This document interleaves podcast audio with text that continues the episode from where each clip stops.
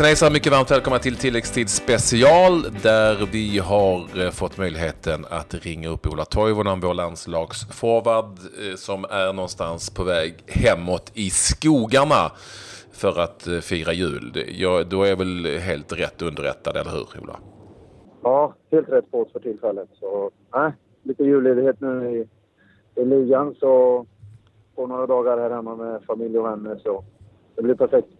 Mm. Var befinner du dig någonstans exakt just nu? Eh, mellan Örebro och eh, Karlskoga. Exakt, i skogarna. Det var ju det jag sa. Precis. Ja. Välkommen till tilläggstid. Berätta lite om hur läget är först och främst med dig. Bra, bra. Semester, då är det alltid bra. eh, som man har längtat efter, efter denna semestern efter en, ett långt, eh, långt halvår. Det brukar ofta vara så när man, när man går in i december månad och sen när vi hade den, eh, vad kan man säga, den fantastiska tiden med landslaget så går man ofta och längtar efter semestern. Går du fortfarande runt på eh, någon sorts små moln och tänker tillbaka på det som eh, ni fick uppleva i Milano? Ja, det gör man faktiskt. Man eh, tänker, tänker tillbaka på, på de två matcherna och speciellt eh, den Milano då med allt som, allt som hände och omklädningsrummen, hotellet, hur, hur kul vi hade alla, alla i laget och ledare och så vidare. Så nej, det var fantastiskt. Du har ju varit med ganska mycket i landslagssammanhang. Har du någon gång varit med om att, så att säga, stämningen, det kan ju nästan vi ta på som är utanför, har varit så bra som den är eller har varit? Eh, ja, men det är väl lite, jag säga, lite speciellt när man, eh, man kan väl jämföra med Holland-avancemanget där med Ukraina. Då var man lite ung och man, man mer hängde med liksom. Ja. Eh, så då blev det en sån här, vad kan man säga, en ungdomlig entusiasm eller ungdomlig glädje bara. Och sen nu så var man en av de äldsta och, och det var ett sista, sista chansen att få spela ett VM och då blev känslan ännu starkare. Eh, för att, ja, som sagt, det var sista chansen. Och som jag sa innan i, i din podd så, så med Marcus och Lustig där hur mycket man har, mycket man har gjort tillsammans under, under karriären liksom. Och så nu blev det verkligen pricken över i och få, och få ta oss eh, alla tre liksom till, till, ett, till ett VM.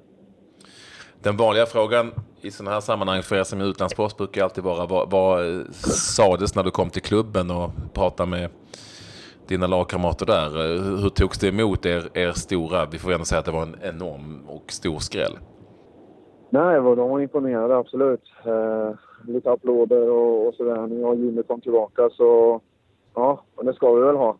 Eh, så nej, de var imponerade absolut. Om vi då tittar till klubblaget. Eh, jäklar, det går tungt nu. Jag säger ju det. Det är ju vad är det, fem, fem förluster på de sex senaste.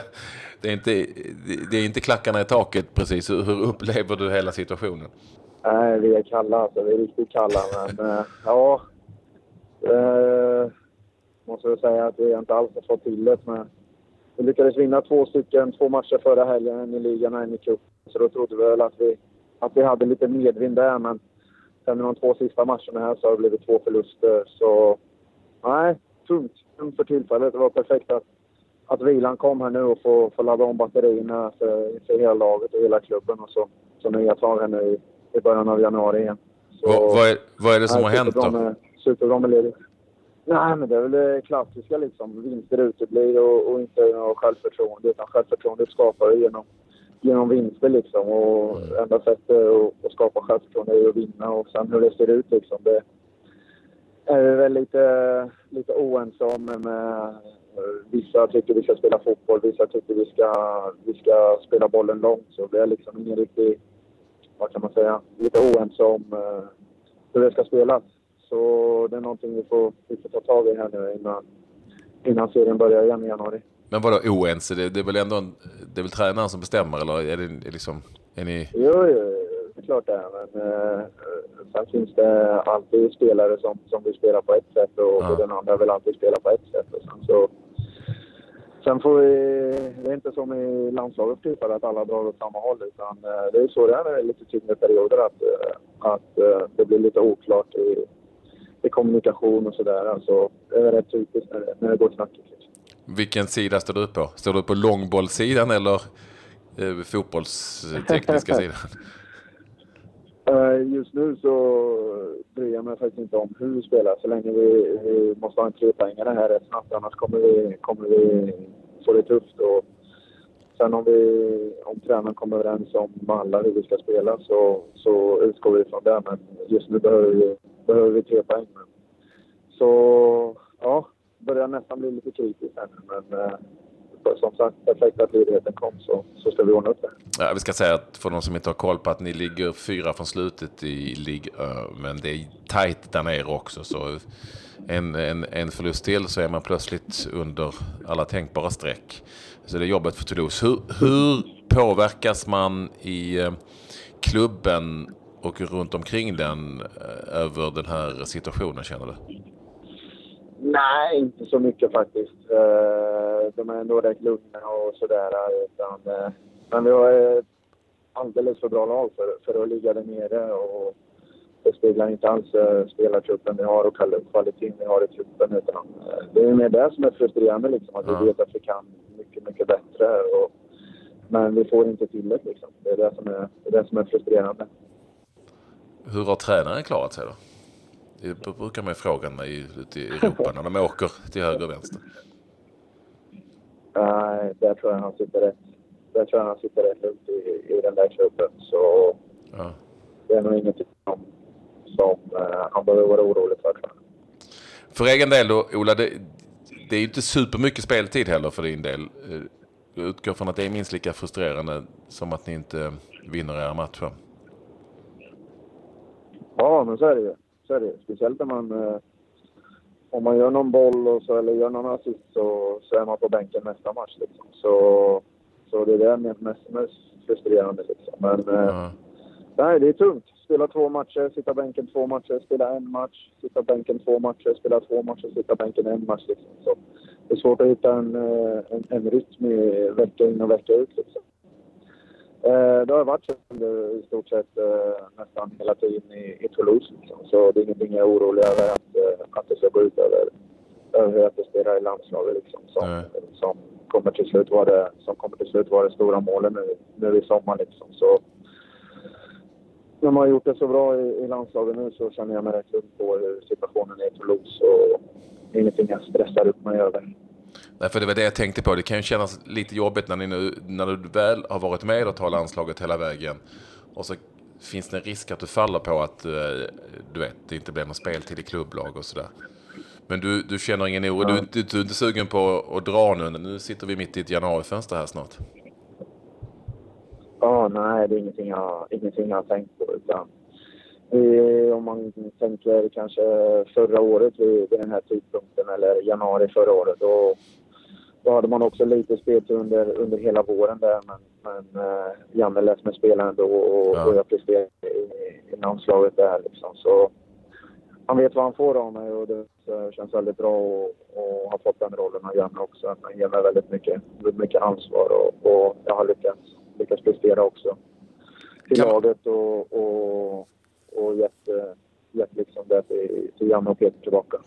Alltså kan man dra någon nytta av att man gör jäkligt bra matcher i, i landslaget när man kommer tillbaka till klubblaget? Eller är det tvärtom att man har varit borta så att man kommer liksom längre ifrån? Jag vet inte, det är lite olika. Där undrar de varför jag inte spelar lika bra så som jag gör i landslaget. Och så, så får jag 60 minuter. Nej, det, det var inte lika bra här som i landslaget så du får sitta vid sidan ännu mer. Liksom. Det är väl... Eller så... Ja, men det är ju så. Det är lite lite olika liksom hur tränarna tänker och, och det är bara tränaren som, som vet eh, vad han vill göra. Så ja, lite, lite lurig fråga och jag har inget riktigt bra svar på det. Men frustrerande utgår jag ifrån. Eftersom du såklart ja, spelar. Absolut, absolut. Mm. Absolut, så är det ju. Eh, men som är fotbollen och någonting man lever med dagligen så inga konstigheter. Jag har vant mig konflikter. Jo, jag vet. Jag med. Alltså, man får vänja sig vid allt. Man vet aldrig, eh, man vet aldrig tillräckligt mycket för att ha ett svar. Det är ungefär så det brukar vara i, i många fall. Hur är det med Jimmy då? Är han tillbaka eh, efter skada och varför får han inte spela i så fall? Har du det svaret? Uh, nej, han, uh, han jobbar, eller vad kan man säga, han tränar för sig själv. Uh, han säger att uh, läkningsprocessen går, går bättre, men, men uh, han hoppas väl att, att vara tillbaka nu efter, efter julledigheten och, och pigg och krus. Och jag tror det är på, på bättringsväg om inte, om inte 100 procent redan. Så det känns bra. Det känns bra. Men jag hänger inte riktigt med. Han var ju med i, uh, i Italien-truppen. Då, då var han inte färdig för spel, eller? Ja. Jo, det tror jag han var. Det tror jag han var. Uh, eller det sa han var. Han spelade ju mm. innan då. Och, men sen mm. kom vi tillbaka och han fick ett litet, litet bakslag och så, så har han varit borta sedan dess och känner liksom inte riktigt, riktigt 100 procent. Han har kört hård träning här nu för sig själv och inte med laget för att, för att vara pigg och kry när vi, när vi återsamlas igen efter, efter semestern. Gött mos. Ja, men vadå, då, då behöver vi inte oroa oss för uh, landslaget och VM. Inte du heller. Det får bli som det blir helt enkelt. Det är så jag ska säga det. Ja, då bli, det får bli som det blir. Ja, men i, klubb, i klubblaget menar jag. Ja. ja, det blir det som det blir. Jag ska försöka, försöka fixa till den här positionen vi har så att vi, så att vi inte ligger där nere i skiten. Liksom. Ja.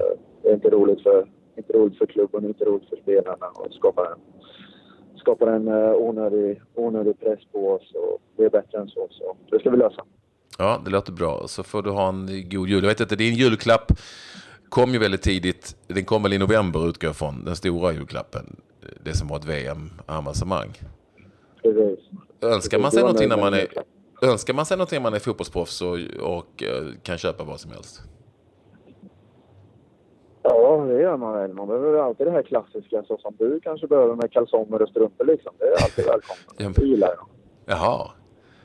Ja, jag brukar ju köpa sånt alltid bra. själv med. Alltså. Men jag förstår vad du menar. Jag, är, jag ger Nej. hellre. ja. Nej, men och strumpor. Någon flaska vin är alltid bra att få också. Ja, det är sant. Eller en bra bok. Det finns många bra böcker ute, det vet du. Alltså? Ja, får kolla då. Har jag hört. du, eh, supertack för att vi ville, fick, fick möjligheten att prata med dig. Och lycka till framöver. Ta det lugnt nu i jul. När åker du tillbaka? Uh, 28. Så det blir en kort visit.